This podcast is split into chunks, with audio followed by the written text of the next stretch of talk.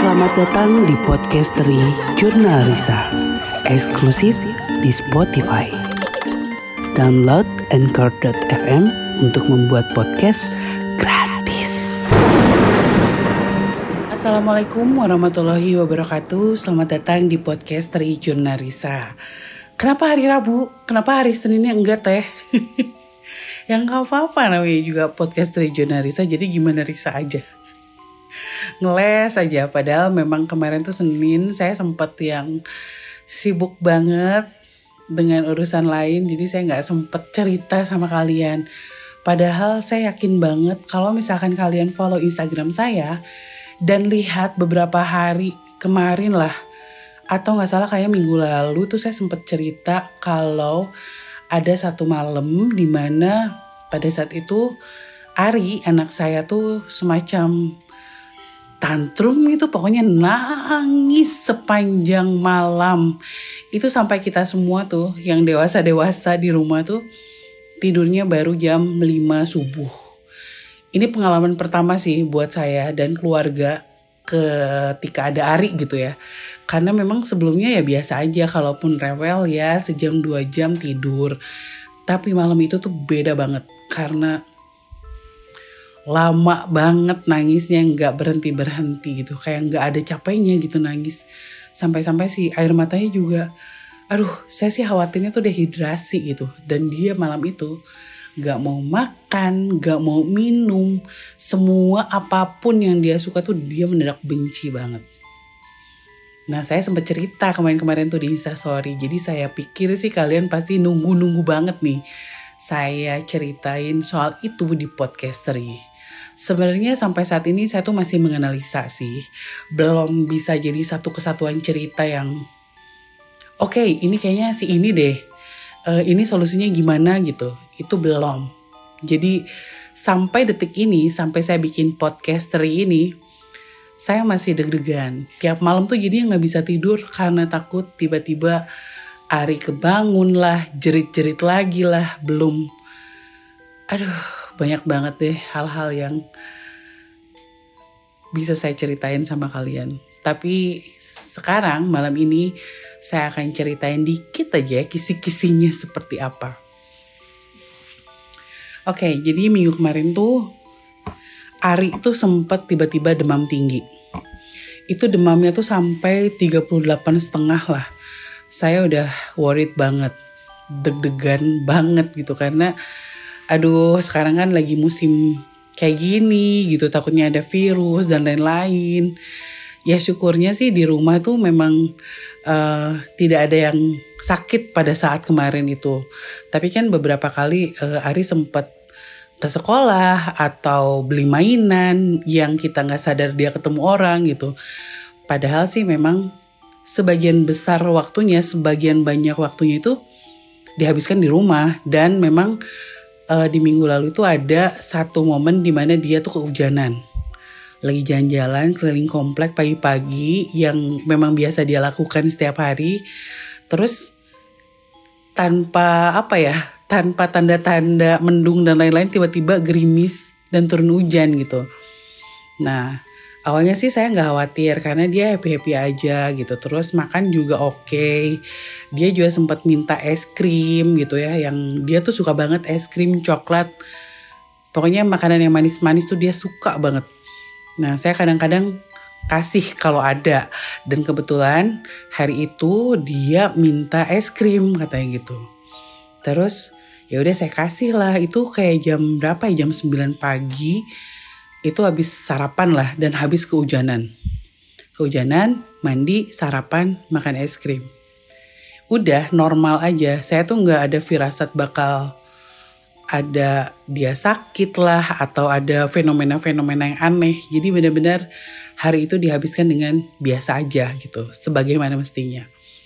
Terus tiba-tiba setelah maghrib itu dia panas banget. Waktu itu sampai 38 setengah sih. Karena kan normalnya 36, 37 tuh maksimal, ini 38 setengah. Dan anaknya udah mulai rewel. Terus saya kasih obat penurun panas. Biasanya kalau misalkan dikasih obat penurun panas tuh dia langsung gitu, langsung dingin lagi lah. Tunggu beberapa saat, dingin lagi udah gitu nah ini tuh udah dikasih obat penurun panas masih panas malamnya setelah 6 jam dikasih lagi obat penurun panas masih panas. Dan itu saya sebagai seorang ibu gitu ya kalut banget pada saat itu. Pagi-paginya langsung dibawa ke dokter dicek oh ternyata ada radang tenggorokan kata dokter gitu yang mungkin nanti akan disusul oleh gejala batuk dan mungkin sakit tenggorokan gitu. Oh oke okay, berarti demamnya dari situ. Tapi ya tidak ada curiga ke arah lain gitu. Memang pada saat ke dokter juga yang antri tuh banyak banget gitu anak kecil yang pada saat itu sakit. Oh mungkin ini ya musimnya gitu.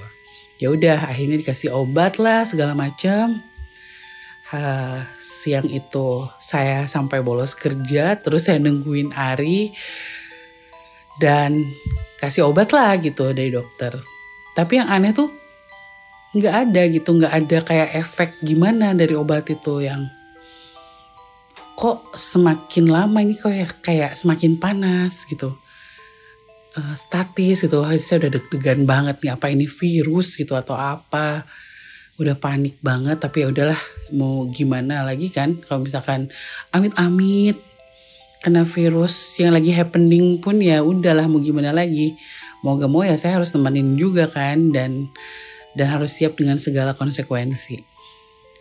Aduh, ini nggak turun-turun. Dokternya bilang sih kalau misalkan dua hari lagi nggak turun-turun, bawa lagi ke dokter atau langsung ke rumah sakit gitu. Oke, okay.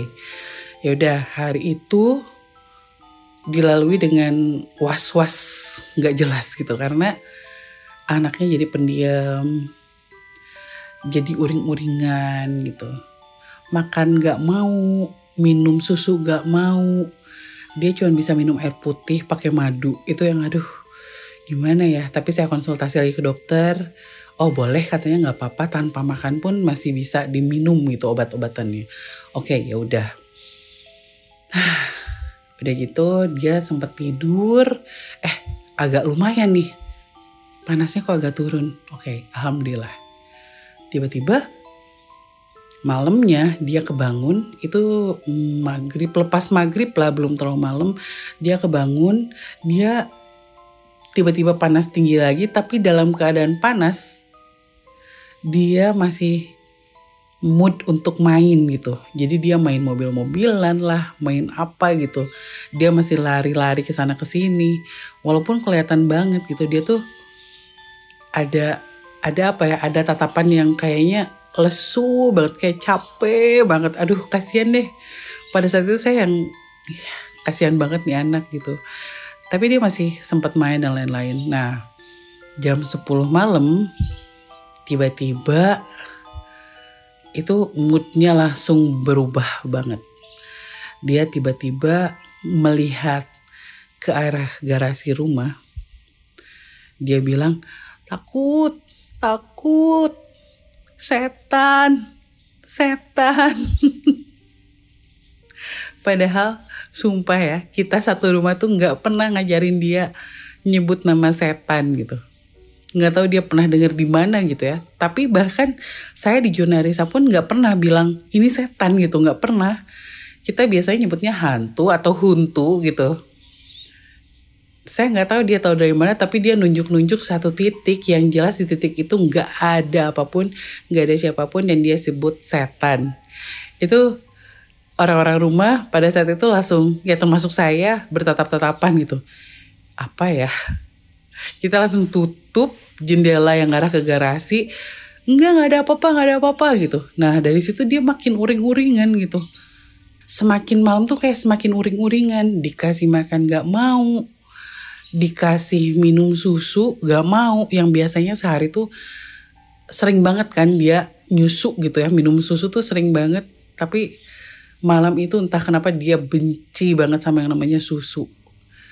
Dikasihin tuh susunya dilempar. Makanan favorit dia kue-kue yang dia suka. Ya udahlah pokoknya kalaupun dia gak mau makan nasi gak mau makan apa yang penting dia memasukkan sesuatu ke dalam mulutnya.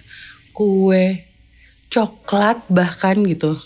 Yang biasanya jarang-jarang saya kasih tapi dia suka banget. Itu dia bilang nggak mau nggak suka nggak mau mama nggak mau mama. Jerit lagi nangis lagi. Aduh saya tuh pertama kasihan sama anaknya kedua malu sama tetangga gitu. Karena nangisnya kenceng banget. Kirain ya udahlah mungkin akan sejam dua jam beres dia kelelahan tapi enggak dong ini lanjut terus sampai jam satu malam. Jam 2 malam. Jam 3 sampai Dimas babanya tuh pulang ke rumah kan dari kantor tuh agak malam. Dia nggak tidur sama sekali sampai subuh gitu. Karena jagain dia yang rewel banget. Aduh apa ya? Ini kenapa ya? Apa karena dia sakit nggak enak badan? Saya udah mulai berpikiran oke okay, kayaknya harus segera dibawa ke UGD deh tapi kita tunggu pagi deh. Cuman karena belakangan ini kan lagi ribet banget tuh uh, apa ya aktivitas di rumah sakit gitu. Kita harus PCR dulu lah apalah. Takutnya ketika dibawa ke UGD dia juga tidak langsung ditangani gitu. Ada beberapa proses yang harus kita lewati. Makanya masih mikir-mikir. Ya udah akhirnya hmm, malam itu langsung telepon kakek saya alias uyutnya Ari gitu. Uh, pada saat itu ya udahlah jam setengah tiga subuh. Kasihan kan kakek tuh lagi tidur pasti kan jam segitu di telepon tapi alhamdulillah beliau ngangkat. Biasanya kan kalau ngangkat video call atau telepon biasanya dia akan bercakap-cakap dulu sama Ari kayak Hai Ari lagi apa? Tapi begitu lihat matanya Ari itu bapak langsung Auzubillahiminasyaitonirrajim kayak membacakan doa gitu. Karena kalau misalkan Ari nangis saya memang terbiasa video call kakek dan kakek tuh udah tahu gitu. Pasti ada sesuatu yang terjadi apalagi ini video callnya subuh subuh jadi begitu videonya kebuka itu langsung baca doa gitu. Aduh anaknya makin nangis. Saya sampai minta maaf sama kakek. Aduh pak maafin ya pak. Ini subuh-subuh kayak gini. Soalnya kita bingung ini hari kenapa. Obat udah dikasih. Biasanya kalau minum obat dokter apalagi ada antibiotiknya ada obat obat ini itu dia tuh biasanya langsung tidur gitu. Istirahat ngantuk ini enggak sama sekali. Jadi benar-benar bingung. Nah agak mereda tuh dari situ. Dia akhirnya mau start video call sama kakek tuh agak sayu gitu matanya. Nangisnya udah mulai reda cuman cranky banget pengen dipeluk pengen digendong. Akhirnya Dimas gendong pakai kain batik gitu. Uh, ditepuk-tepuk gitu. Udah kayak gitu, saya ngobrol nih sama pengasuhnya Ari. Terus waktu itu ada mamah juga kan, mamah juga kebangun. Uh, aduh, ada-ada aja ya. Kenapa ya kayak gini gitu. Terus lagi ngobrol nih, posisi kita tuh kayak di depan dapur gitu. Tiba-tiba itu ada sesuatu kayak panci dilempar ke arah piring kalian bisa bayangin lah bunyinya sekeras apa seheboh apa itu muka kita semuanya langsung ngeliat ke arah dapur yang ada tepat di sebelah kita dan kita tidak melihat ada satupun benda yang jatuh di situ sampai beneran uh, asisten rumah tangga di rumah saya tuh langsung cari gitu ini asal suaranya dari mana. Tapi nggak ada satupun panci yang jatuh, nggak ada piring yang jatuh. Tapi benar-benar suaranya tuh real banget. Langsung kita semua yang ada di situ merinding sebadan badan yang oke okay, ini ada sesuatu yang nggak beres nih. Ini ada yang nggak beres. Mungkin sesuatu yang memang Ari lihat dan kebetulan fisik dia tuh lagi nggak kuat buat ngelihat begituan. Wah, akhirnya dengan kesotoyan gitu karena walaupun udah terbiasa dengan kemampuan melihat hantu tapi ketika hal tersebut menimpa anak itu beda beneran. Rasanya tuh nggak sama gitu. Saya takut. Saya takut ada apa-apa yang terjadi sama Ari karena dia kan belum fasih berbicara. Dia belum bisa menyuarakan isi hatinya merasakan apa yang dia lihat dia dengar gitu. Mengatakan kepada kita. Jadinya itu paniknya luar biasa. Pada saat itu Dimas tiba-tiba bilang gini, e, katanya kalau anak udah dikasih obat, udah ditangani secara medis, tapi sikapnya seperti ini malah makin menjadi-jadi. Cobain azan di telinganya katanya gitu. Itu saya inget banget jam 3 lebih gitu. Arinya tuh lagi uh, udah mulai sayu kan, udah mulai lemes gitu dia. Tapi berat, uh, bukan berat badan lagi-lagi. Tapi panasnya tuh masih kerasa gitu. Aduh, cobain deh pada saat uh, lagi. Aduh, cobain deh pada saat itu dia kan ada di pangkuan Dimas, lagi digendong gitu. Dimas tuh pelan dia azan di telinganya Ari. Allah Akbar, Allah Akbar. Baru kayak gitu, itu anak ngejerit keras banget. Aduh saya masih merinding sih ngebayanginnya. Itu beneran kayak di film-film tau gak yang ah, gitu. Kayak anaknya tuh ngejeritnya tuh kayak jatuh. Kayak yang lagi dilukai gitu. Itu ngejerit banget. Terus sampai kita semua yang kenapa ini gitu bingung. Ngejeritnya kayak berlebihan banget gitu Sampai saya nanya, diapain mbak, diapain? Cuma azan, kata dia gitu sambil bisik-bisik, cuma azan. Wah itu langsung, oke okay, ini nggak beres nih. Kayaknya sempet hilang atau entah bersembunyi di badan Ari pada saat video call sama kakek itu kan. Tapi belum benar-benar hilang gitu. Jadi ketika diazankan itu histeris banget. Jerit banget itu panik banget sih saya. Pada saat itu uh langsung cepat-cepat googling di YouTube cari uh, murotal pengusir jin yang menempel pada anak. Jadi benar-benar random aja gitu. Cari keyword kayak gitu terus ada dan kita puterin. Di lantai atas di lantai bawah kita puterin semuanya. Sampai nggak tahu ya ini sugesti atau apa tapi si Ari tuh kayak semakin lemah, semakin lemah dan tidur akhirnya. Udah anaknya udah tidur, alhamdulillah. Ya udah kita bisa tidur kali ya. Uh, itu tuh waktu udah menunjukkan pukul, pokoknya habis azan, azan subuh gitu. Ah udah tenang. Lagian kan biasanya gangguan yang terjadi itu memang berhenti setelah azan tuh udah berhenti gitu, nggak ada lagi biasanya ya udah tenang anak udah tidur. Belum nih belum kita masuk ke kamar buat tidur ke kamar masing-masing.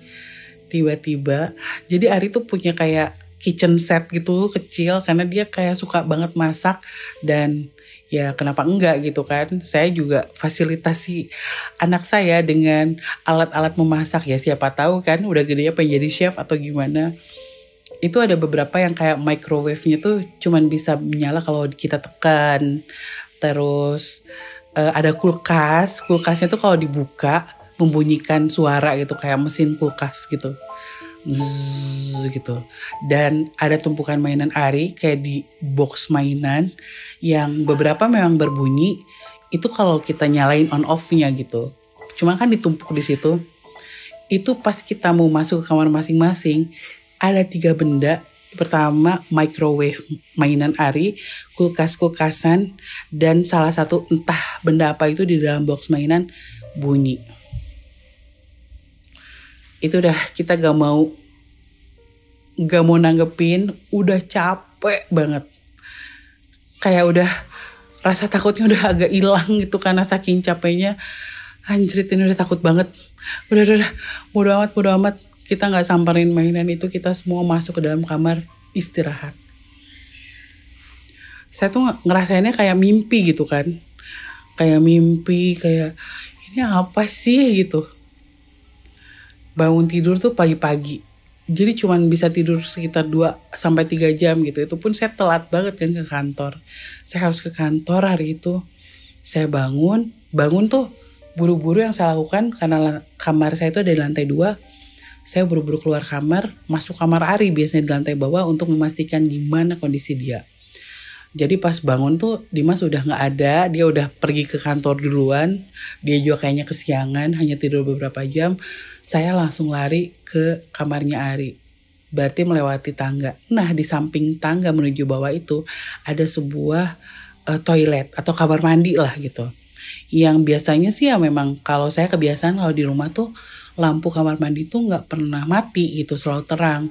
Pada saat itu si pintu kamar mandinya tuh kebuka dikit gitu. Kayaknya bekas Dimas mandi atau gimana kebuka dikit. Saya jalanlah ke bawah ngeliat sedikit ke arah pintu kamar mandi. Dan itu gila sih, bangun tidur. Masih kayak, aduh, semalam habis ngapain ya gue gitu. Masih kayak mimpi gitu ya. Lemes banget. Turun tangannya juga masih agak linu-linu kaki gitu kan. Lihat ke arah situ, saya jelas banget ngeliat ada sosok seorang perempuan yang lagi bercermin di dalam kamar mandi tersebut. Jadi memang buka pintu di sebelah kiri tuh udah ada cermin untuk apa ya di atas wastafel gitu buat sikat gigi dan lain-lain. Saya lihat perempuan itu ada di situ. Jadi itu langsung kayak meluruntuhkan pendapat saya atau informasi yang saya tahu bahwa kuntilanak atau hantu perempuan tuh biasanya takut sama cermin. Itu kayak luruh gitu karena saya lihat banget perempuan ini tuh bercermin. Aduh ya Allah, ini apa lagi gitu. Wah, udah pusing banget. Saya ke bawah, udah gitu ngeliat Ari masih agak anget. Wah saya udah bilang, saya gak mau mengalami malam seperti tadi malam lagi. Anak ini gak makan apa pun. Saya fix mau bawa dia ke rumah sakit, saya bilang gitu. Tapi neneknya alias mama saya tuh masih agak penasaran gitu. Neng, oke, okay, nggak apa-apa, kita tangani ke rumah sakit. Tapi sebelumnya mau penasaran, pengen jadi doain dulu katanya. Akhirnya kita ke kakek, maksudnya kakek datang, minta didoakan, didoakan dulu. Anaknya didoain, di, waktu didoain tuh tenang banget. Udah gitu, lumayan lama ngedoainnya sampai kakek tuh kayak lihat kamar lihat kamarnya Ari, ngelihat sana ke sini. Oke. Okay. Udah. Nah, nggak tahu ya, setelah didoain itu tiba-tiba panasnya hilang. Ini sugesti, nggak tahu memang ya memang dia membaik itu panasnya hilang, tiba-tiba dia mau makan nasi, tiba-tiba dia minta susu, tiba-tiba wajahnya cerah lagi. Dan Ari yang ini yang sekarang saya lihat itu Ari yang biasa saya lihat setiap hari gitu, bukan Ari yang tadi malam jerit-jeritnya kayak gimana, panasnya kayak gimana, beda banget. Aduh, saya saya kan udah konsultasi kan sama suster, sama dokter, suster di rumah sakit, sama dokter anak juga. Ini gimana ya? Mereka sudah banyak menyarankan, oke okay, sekarang ke sini ke sini ke sini. Pokoknya sampai udah cari-cari kamar gitu ya akhirnya di cancel ngelihat kondisi anak ini yang tiba-tiba berubah banget terus ya udah akhirnya setelah dia mau makan kita kasih obat beneran obatnya tuh ngaruh banget. Dia tiba-tiba ngantuk tidur. Tidur yang lama dia bangun makan kasih obat lagi tidur lagi. Sebagaimana mestinya. Panasnya hilang sama sekali. Udah nggak ada panas sama sekali. Keadaannya baik-baik saja. Dia tidak ada batuk dan lain-lain gitu nggak ada gejala-gejala apa sih ini kenapa sih gitu ya ya alhamdulillah alhamdulillah Ari membaik tapi saya langsung penasaran karena entah kenapa kalau sesuatu yang terjadi di rumah saya kepada saya atau kepada anak saya atau anggota keluarga saya biasanya kita tuh sama-sama nggak bisa lihat, saling nggak lihat. Harus orang lain yang melihat gitu. Akhirnya ngobrol sama kakek, saya nyebut kakek tuh bapak kan. Pak, kenapa ya kayak gini? Saya menceritakan apa yang terjadi, sama seperti saya barusan ceritain semua sama kalian sedetail itu sama kakek saya.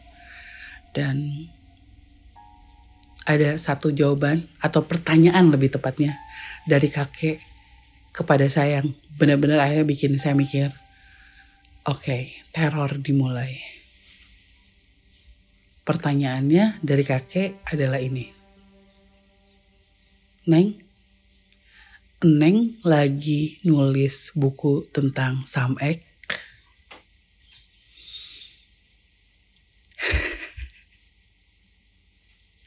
iya, saya lagi menulis tentang Samek. Doakan saya teman-teman, doakan anak saya, doakan semuanya. Bismillahirrahmanirrahim. ya udah kita lihat perkembangannya mudah-mudahan tidak terjadi apa-apa lagi. Wassalamualaikum warahmatullahi wabarakatuh. Sampai jumpa lagi di podcast Rijun Narisa.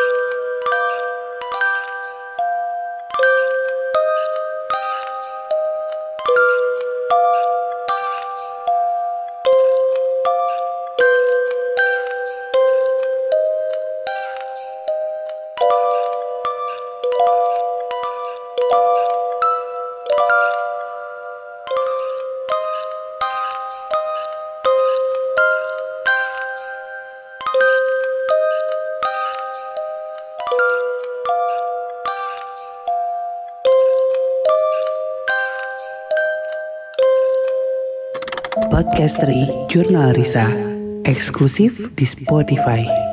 Download Anchor.fm untuk membuat podcast gratis.